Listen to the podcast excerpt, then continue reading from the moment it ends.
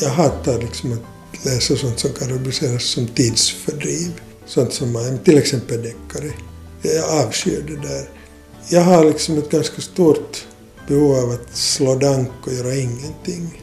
Men jag tycker att när jag läser så ska det vara liksom riktigt och då ska det ge mig någonting. Det här säger Michelle Ekman som ni nu ska få höra i ett samtal om livet. Mitt namn är Ann-Sofie Sandström. I våras läste jag Michelle Ekmans bok Utanför tiden, en bok som har underrubriken Självbiografiska essäer.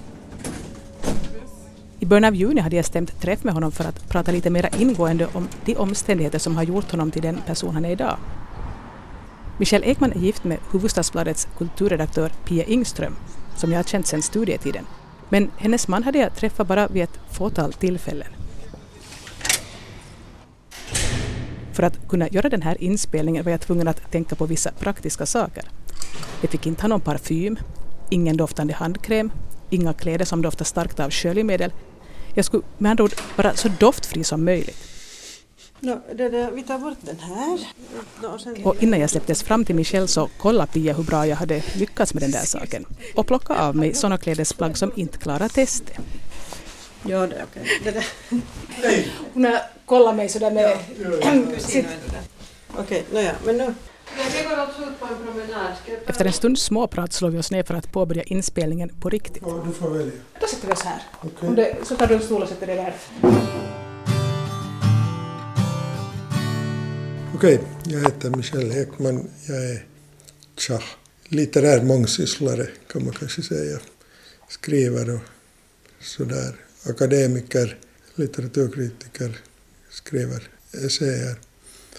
Tidigare var jag också universitetslärare och jag är helsingforsare. Jag har bott, jag är alltså 56 år nu.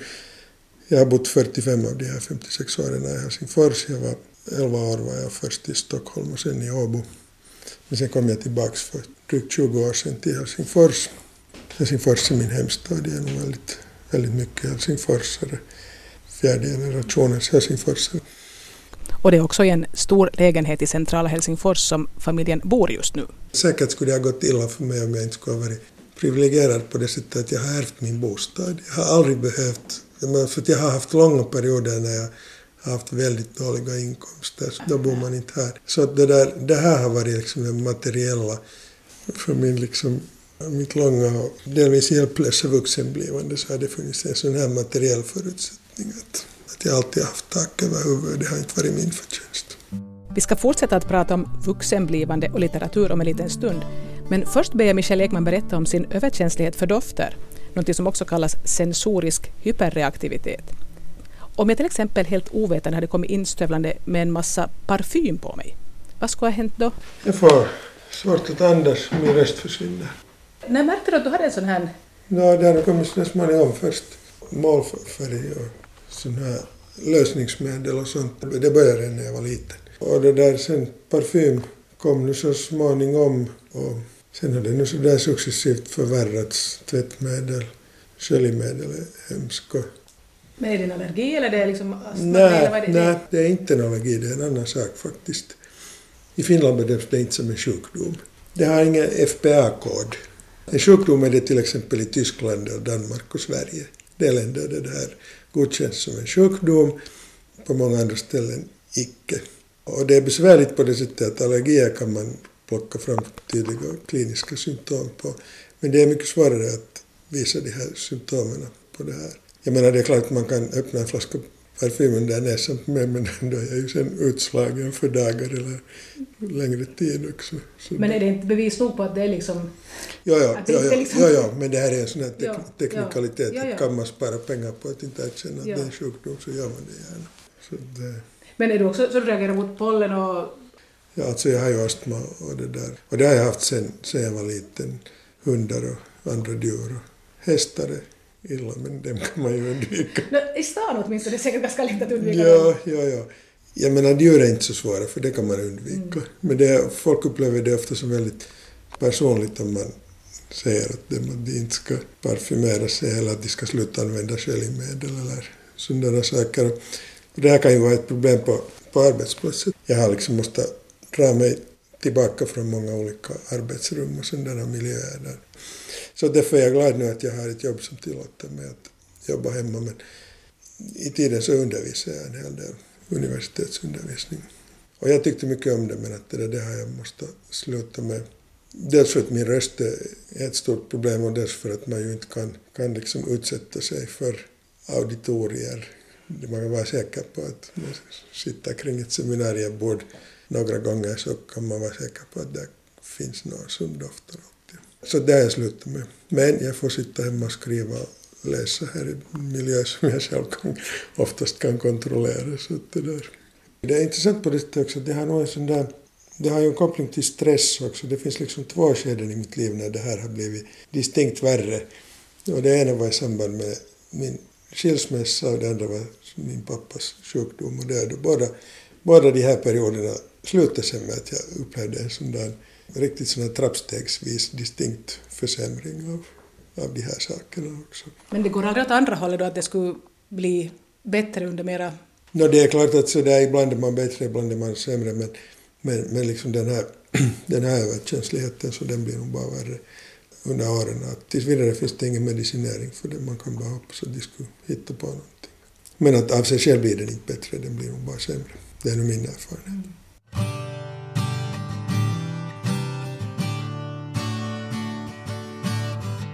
Michel Ekman beskrev sig i början av programmet som litterär mångsysslare. Alltså, min identitet bygger nog på det att jag, att jag får skriva. Eftersom jag ganska tidigt upptäckte att jag inte kan skriva skönlitteratur, jag har liksom inte sån här författarådra i mig, så gällde det då att hitta på någonting som gav mig möjlighet att skriva. Och då måste jag väl säga att nu är jag, nu är jag väl litteraturkritiker allra mest. Det är liksom det som är min, så att säga, kärnan i min yrkesidentitet inte min ekonomiska identitet. Man kan inte leva på att vara litteraturkritiker så jag har gjort allt möjligt där vid sidan om. Men det är nog det. Och sen är det ju lätt att utvidga det här kritikskrivandet, att man skriver essäer och kanske skriver lite om sig själv också, så där som jag gjorde i den här boken som kom tidigare i år. Den här boken heter Utanför tiden. Titeln valde jag faktiskt slut, slutet av arbetet på den här boken. Jag skrev den under en ganska koncentrerad tid på ungefär ett halvår men att allt som jag skriver om där är ju sånt som jag har gått och funderat på i, i vissa fall genom hela mitt vuxna liv och sådär. Så, att, så att på det sättet när jag väl en gång började skriva den så gick det ju ganska fort. Och när jag tittar på dem så det här uttrycket utanför tiden tyckte jag att jag hittade i flera av de där texterna. Och det är väl lite det som, det som hos litteraturen och hos film och hos konst överhuvudtaget, musik, som tilltalar mig väldigt mycket. Att när den är bra och när, när man blir riktigt engagerad av den så förflyttar den en till ett sådant tillstånd utanför den vanliga linjära tiden där det finns liksom andra, andra regler som, som gäller. Och det är just sådana upplevelser också som jag har försökt beskriva och det handlar mycket om, om min utveckling, om hur det var när jag var ung och började läsa böcker och började intressera mig för konst av olika slag. Och jag försöker liksom rekonstruera ur efterhandsperspektiv också fundera över kanske varför det blev så, hur det blev så och hur den här utvecklingen gick. Och då är nog de här häftiga plötsliga upplevelserna som jag då också kallar för epifanier. Hur du sa, för jag satt och funderade, hur uttalar man det här ordet? Epifani, det är en lite speciell term som ursprungligen har då religiös betydelse som handlar liksom om det här men det var därför, på något vis klingade det som jag skulle ha hört det liksom i sådana sammanhang. Jo, jo, jo, det är det ursprungliga, att man upplever den här gudomliga närvaron. Men att det där speciellt litteraturvetenskapen, som ju då är min akademiska disciplin, har då adopterat eller annekterat det här begreppet för att beskriva sådana här upplevelser där då kanske man inte nödvändigtvis behöver förutsätta att det är någon gud som är närvarande. För mig hade det då varit musiken och filmen och litteraturen som, som har gett mig de här upplevelserna som jag som genom hela livet och framförallt när jag var ung så var de oerhört viktiga för mig. Jag var ganska olycklig som, som ung, miss, missanpassad och oviss om vem jag var och vad, vad jag skulle bli och så där. Och de här upplevelserna var liksom delvis naturligtvis en flykt så där från ett, ett nu som ofta tedde sig övermäktigt men också en sån här kraftkälla helt enkelt. Någonting som man som man kunde bära med sig när de var över de här upplevelserna som är korta, intensiva. Michel Ekman sa att han när han var ung kände sig olycklig och missanpassad och oviss om vem han var. Jag kände mig tvungen att fråga honom att är det inte så vi alla har känt oss när vi var i tonåren? Ja, jag skriver ju där att, att ungdomen för många är liksom en enda kris hela tiden. Men när man är ung så har man inte, man har inte så stor glädje av att möjligen väldigt många andra är likadana. För när man är ung så är det ju så förtvivlat svårt, eller det var nog min erfarenhet, att artikulera det här. Man går liksom och bär på sina känslor och även om man skulle ha någon som man skulle kunna anförtro sig åt tala, tala med om de här sakerna så har man inte nödvändigtvis ens språket och uttrycken. Vuxenblivande på gott och ont innebär ju distansering. Jag menar hela ens, hela ens liv från det man är alldeles liten innebär ju på ett sätt ett slags distansering, ett slags intellektualisering av, av upplevelsen. Och det här är ju på gott också för att just den här känslan av att vara ensam och, och oförstådd och inte förstå sig själv och allt det där. Så det är ju en sak som sen när man småningom lär sig att sätta ord på den, så då blir det sådär som, då kan man säga sådär som du, att, ja, att alla unga är ju, upplever kanske sin ungdom på det sättet. Men, det säger jag nu när jag är 53. Jo, jo, precis. Sa det då? Nej, jag nej, trodde precis. jag var den enda som No. led och ingen förstod mig. Det var mest synd om mig i hela världen. Ja, ja, absolut, Men att det absolut. sen efteråt märker man att många andra har upplevt det på samma sätt. När Jo, jo, absolut. Jo, jo, det, jo, det är klart det. Inte Att fattar många, man ju det då. nej, nej, nej, nej, alltså. När jag var 17 eller 20 så mitt bekymmer var liksom inte att andra ungdomar kände, sig olyckliga och hopplösa. Jag hade fullt upp med att känna mig olycklig och hopplös alldeles själv. Men det där, hade du inte kompisar och sånt som du umgicks med under din, när du var ung? Du beskrev här en, en period av ganska mycket ensamhet. Ja, jo, det är en period av absolut ensamhet i mig. Faktiskt, jag var helt ensam. Så där i, i vad ska jag säga, 15-16 års ålder. No, delvis berodde det på att jag var sjuk. Alltså jag blev, på något sätt när jag kom in i puberteten så blev den här min astma som jag i och för sig hade haft ända sedan jag var liten. Men, men den blev liksom värre och den blev ett socialt hinder på det sättet att jag var, jag var dålig och kunde inte gå ut och hänga på stan på kvällarna och sådär. Så det var ett sånt där rent konkret hinder. Och sen var det nog också det att, att jag hade ju nog goda, goda vänner när jag var något yngre så där vi sparkade fotboll och cyklade och allt sånt som man nu gör. Men sen när jag började komma en bit in i tonåren så kom jag liksom ifrån det där. Jag kommer ihåg jag hade också jag hade säsongkort i IFKs ishockeymatcher. Och först var det väldigt roligt, sen i något skede så började jag tycka att det var att det egentligen var ganska trist, men jag tänkte att om jag nu inte skulle gå på de här trista ishockeymatcherna så vad skulle jag göra då? Nå, så slutade jag nu med det i alla fall. Att, att liksom mina intressen förändrades och de som var mina vänner, de, på något sätt så uppstod det en sån här distans mellan dem och mig. Och inte hade jag riktigt koll på några andra, men sen, sen så förändrades det där lite. Jag blev indragen i skolpolitiken som man ju kan säga mycket illa om, men att det där det här var nu ett sånt där sammanhang där, där de som inte var så där socialt smidiga och passade in i det här, vad ska man säga, det socialt anpassade ungdomssuperiet till exempel som jag inte någonsin kom in i. Alltså, vi hamnade nu istället på de här studiecirklarna och, så, och där blev jag bekant med, bekant med nya människor. De här blev sen mina vänner och sen småningom så var det ju många av oss som lämnade den här kommunistiska rörelsen men jag hade fått vänner och, och människor som också var sådär lite missanpassade och, och vi började sen tillsammans och liksom utforska nya saker och så där. Så att sen började det nog att ordna sig på ett sätt men samtidigt på ett annat sätt så var jag nog fortfarande väldigt sådär, jag var väldigt socialt hämmad och blyg och, och Hur så då? Varför det då? No, det har jag också funderat på, inte vet jag riktigt, inte vet jag riktigt varför det, varför det blev på, Är på du det enda barn och hemskt bortskämd? Nej, nej jag, har, jag har en syster. Inte var jag nog mera bortskämd än andra Munksnäsbarn. Vi var väl alla ganska bortskämda. Alltså men hurdant det var Munksnäs, vad var det för sorts ställe? Alltså det var ett fint ställe. Det var, det var en sån här förort för, för de välanpassade för övre medelklassen utan sociala problem och homogen och allt fanns där. Det var liksom faktiskt som en liten stad för sig. Att, att jag kommer ihåg sen när man blev lite äldre så stod man liksom med sin cykel på den här Munksnäs allén som är den här gatan där fyra spårvagn som var liksom Munksnäs konnektion med världen. Det var liksom de här de här spårvagnsstjärnorna som glimrade där mot Mejlands. Man tittade på dem och undrade vad, vad liksom där kan finnas. Men man får inte just dit. Att jag...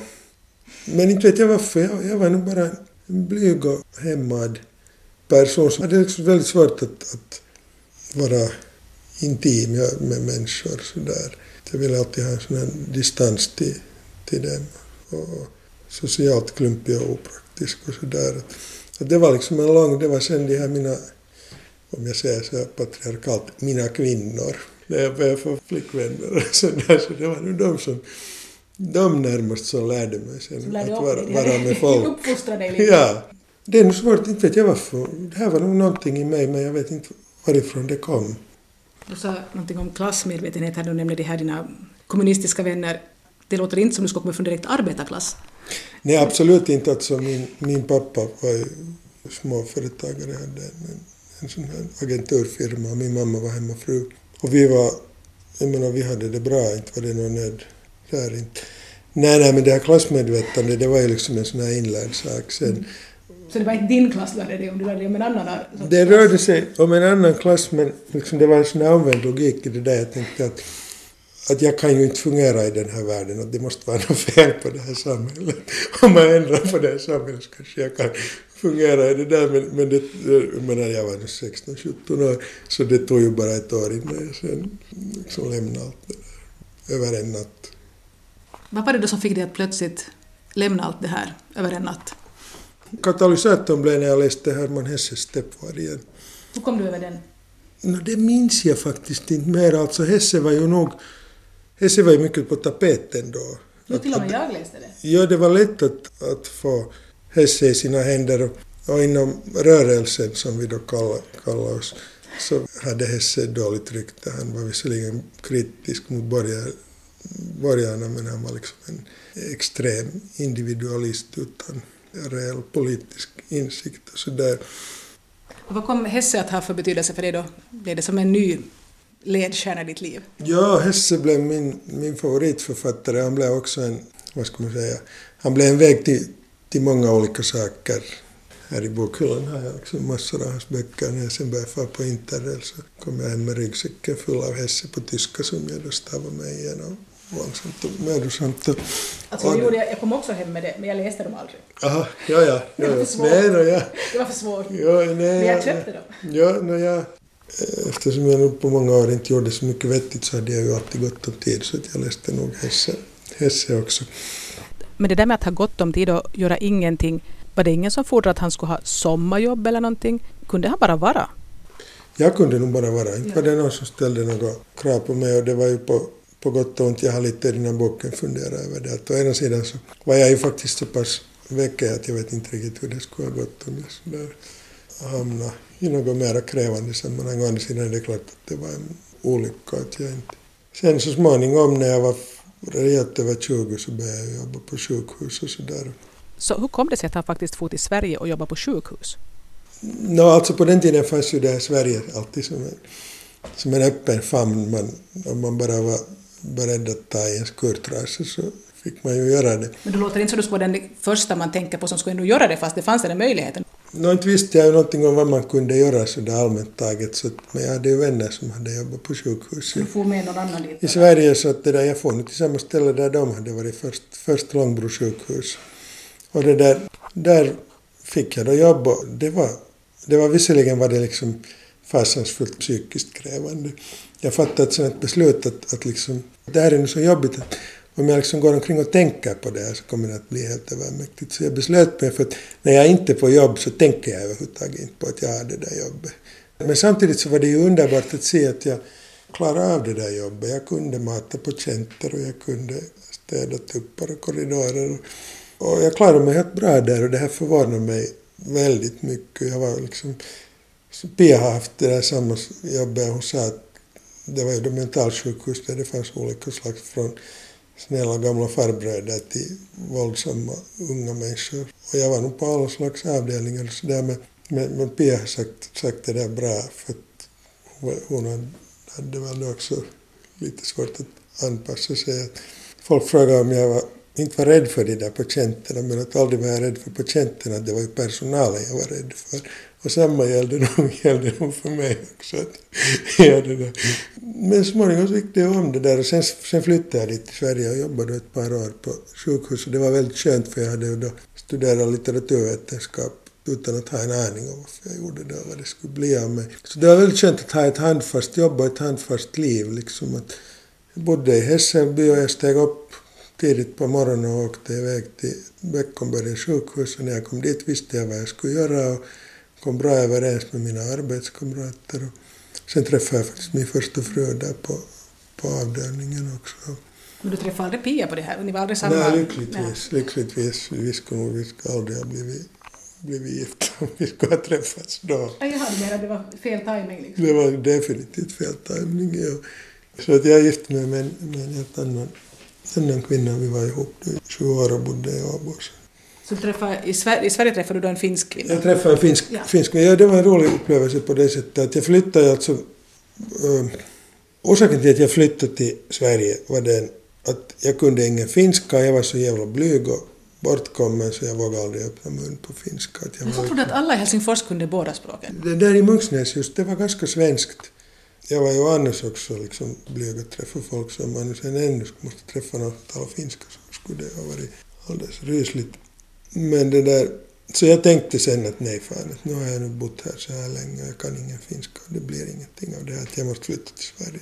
Så flyttade jag till Sverige och det där, när jag kom dit så kände jag mig nu sådär lite bortkommen förstås. Så småningom så sökte jag mig allt mer till de här finnarna och insåg att liksom det som egentligen var liksom viktigt för mig det var inte att tala svenska utan det var liksom att höra till den här minoriteten. Så jag bytte minoritet. Så i Stockholm så lärde jag mig finska på några månader och, och sen när min, min första fru ville flytta tillbaka till Finland så inte hade jag något emot det sen.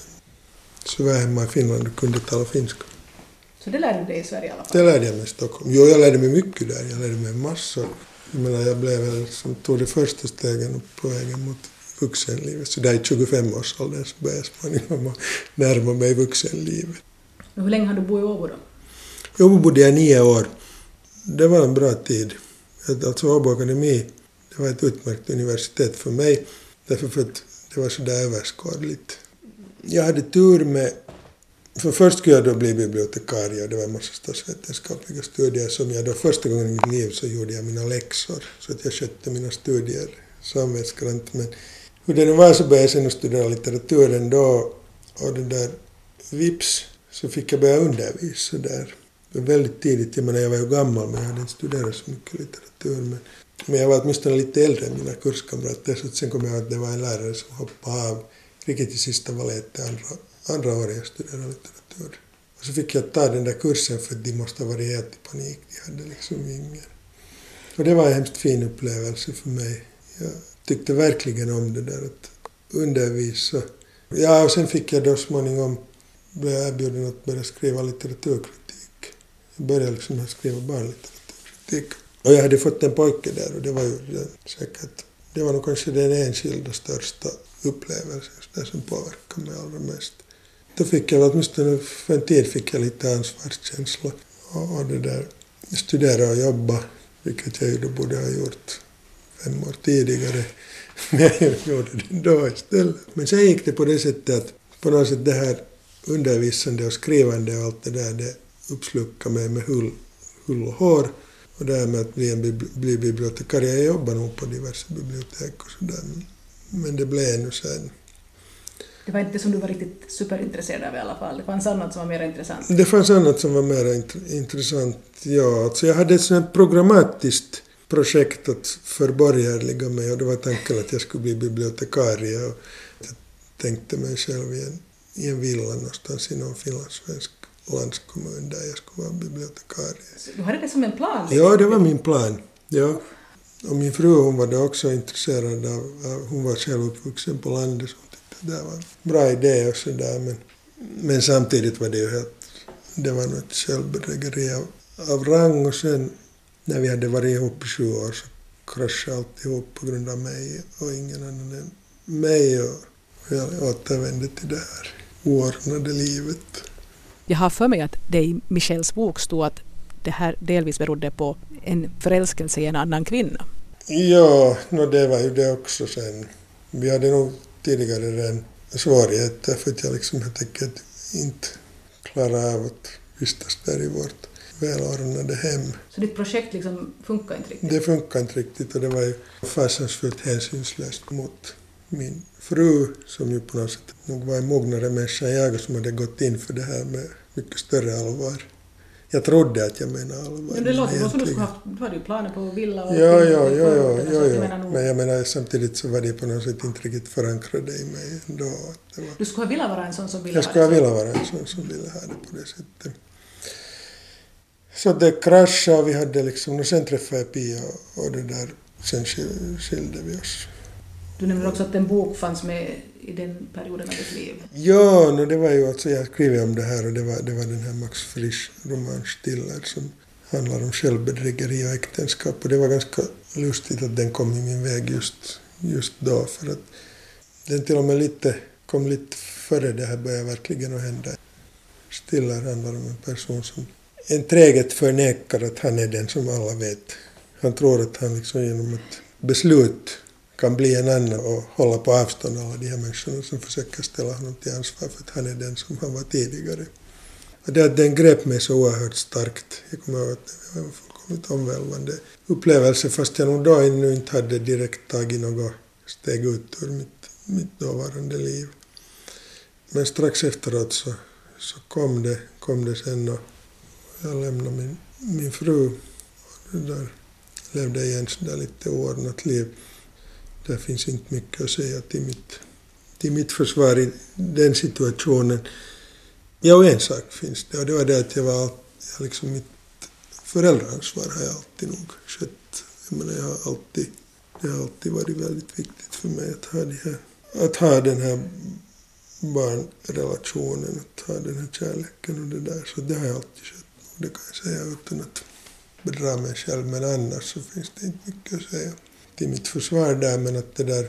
Jag flyttade nu hemifrån och jag hittade mig på en madrass i ett tomt, tomt rum ätande fiskpinnar omgiven av boktravar och temuggar precis som det hade varit tio år tidigare. Men i vilken stad fanns det här rummet? Åbo, Åbo. Jag stannade kvar för jag kunde ju inte flytta eftersom som Johan, min son, fanns där i, i Åbo. Han var ändå ganska liten, han var fyra år. Jag menar naturligtvis, jag blev väldigt kär i Pia och sådär men jag menar jag älskade dem båda men Johan hade jag ju ansvar för. Så att jag stannade kvar i, i Åbo och bodde sen ännu några år tills, tills Johan och hans mamma flyttade bort från Åbo. Och då flyttade jag sen också och då vid det laget så väntade vi redan, Pia och jag väntade vårt äldsta barn. Så, så jag flyttade sen hit till Helsingfors för, för 20 år sedan.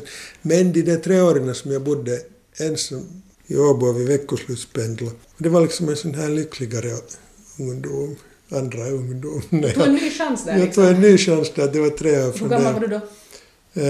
30 plus. Ja, och sen gick jag i psykoanalys så det var också... Jag gick, ja, där då, i Åbo? I Åbo, ja. Det var, det var en fin och viktig sak också som jag... Hur kom du på att du skulle göra det? Men vi har ju till en generation där man går i terapi. Det är ju dyrt. Ja, men på, den tiden, jo, men på den tiden var det inte så dyrt för att ah. det där FPA betalade ganska mycket.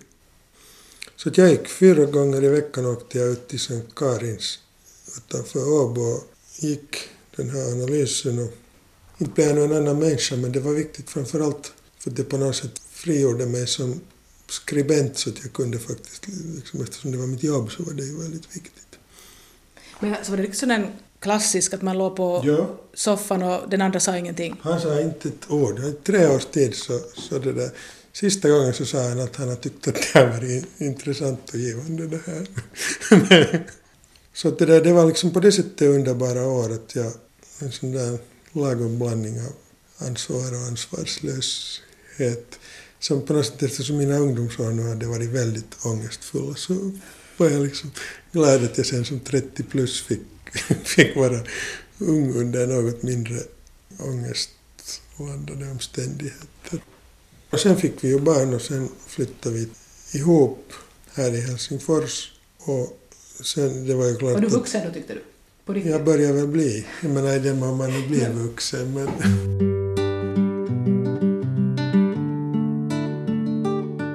Förutom Steppvargen av Hermann Hesse och Stiller av Max Frisch så finns det ännu en roman som har varit mycket betydelsefull för Michel Ekman under en viss tid av hans liv. Ja, Krig och fred, som är en av mina absoluta favorit, favoritromaner. Och den har att göra med pappans sjukdom och död. Ja, men jag tog min pappas död ganska hårt. Han fick cancer och så var han sjuk ett och ett halvt år eller något sånt och så dog han. Och eh, nu var jag ju inte alls ung när han, när han dog. Jag, jag var 44. Men i och med att jag nu hade haft en sån liksom extremt långsam, vux, långsamt vuxenblivande och så där så kände jag mig ändå på något sätt, jag menar, nu kan jag säga att nu har, nu har jag väl liksom åstadkommit någonting. Men jag, på den tiden hade jag inte den känslan att jag liksom ska... Man vill ju gärna visa att det här har jag gjort. Men på den tiden så kunde jag inte ännu riktigt göra det. Och sen var det en annan sak att, att så länge jag levde det här vansinnigt turbulenta livet så var jag ju verkligen en sån här kamikazepilot. Att jag var helt hänsynslös mot min omgivning för att jag liksom på något sätt inte fattade. Jag hade så fullt upp med att, att liksom rädda mig själv att jag hade ingen kapacitet att inse vad min livsföring kunde liksom göra åt min omgivning. Inte bara åt fruar och flickvänner utan också åt mina föräldrar. Långt senare så när mina egna söner som alla är duktiga pojkar och har berättat mig mycket glädje så när jag tänker på det att, jag, eller att han liksom dog utan att ha fått de här glädjeämnena. Det, det kändes tungt fortfarande. Han, han var väldigt passiv i relation till mig och han yttrade aldrig några förväntningar och han ville inte heller... Det kan jag väl säga att han var inte till stor hjälp heller. Men kände du att det fanns någon sorts förväntningar som du inte riktigt visste vilka de var? Att du kände att det fanns ja, förväntningar på Helt enkelt det nog att åtminstone att det nu skulle ha blivit något av mig sådär så att han inte skulle ha börjat tänka att vad ska det nu bli av den där. Alltså det här, det, här nog, det blev liksom en sån där tagg att jag tyckte där att, att jag liksom inte på det sättet förmådde ge honom det som jag nu har fått av mina egna söner. Jag menar, han uttryckte ju ingen besvikelse på det sättet, men att det där så att ja, det var en sån här omvälvande upplevelse. Och det var alltså under den här perioden som Michel Ekman läste Krig och fred. Jag läste Krig och fred. Alltså den är över tusen sidor men den består av sådana korta avsnitt som två, tre, upp till tio, tolv sidor. Tolstoj är ju väldigt, han är sådär rogivande och han är fatalist. Saker kommer som de ska komma och man kan liksom bara ta emot dem. Då när min, min pappa då dog, vilket var väldigt tungt naturligtvis, och sen så, jag hade ganska mycket jobb då också, så de här två sakerna upptog mig. Men så hade jag då krig och fred och varje, varje kväll efter de här långa, tunga och sorgliga dagarna så läste jag en liten stump i krig och fred. Och det var liksom en sån här parallellvärld som bidrog till att hålla mig uppe. Jag hade tidigare inte riktigt tyckt om Tolstoj, jag hade försökt läsa honom tidigare men men jag tyckte det var tråkigt, segt och odramatiskt. Jag, jag älskar Dostojevskij som är raka motsatsen. Sån dramatisk och det händer fasliga saker hela tiden. Skandalerna avlöser varandra och sådär. Men det var liksom inte rätt sorts litteratur för mig då. Utan Tolstoj som är sådär nog jag menar, då var man kanske på ett sätt, eller var jag kanske på ett sätt bortom all tröst, men att det där nu så kan jag väl säga att, jag, att han är nog tröstande också. Och just det där att man kommer in i hans liksom övertygande försäk försäkran om att händelserna har sin gång för att det är ödet. Så det, det är väl just det vad man behöver i en sån där situation. Så att allt det här gjorde att jag, att jag blev helt uppslukad av den här och jag läste mycket mer Tolstoj sen, senare. Men före det så var han helt främmande för mig, jag orkade aldrig läsa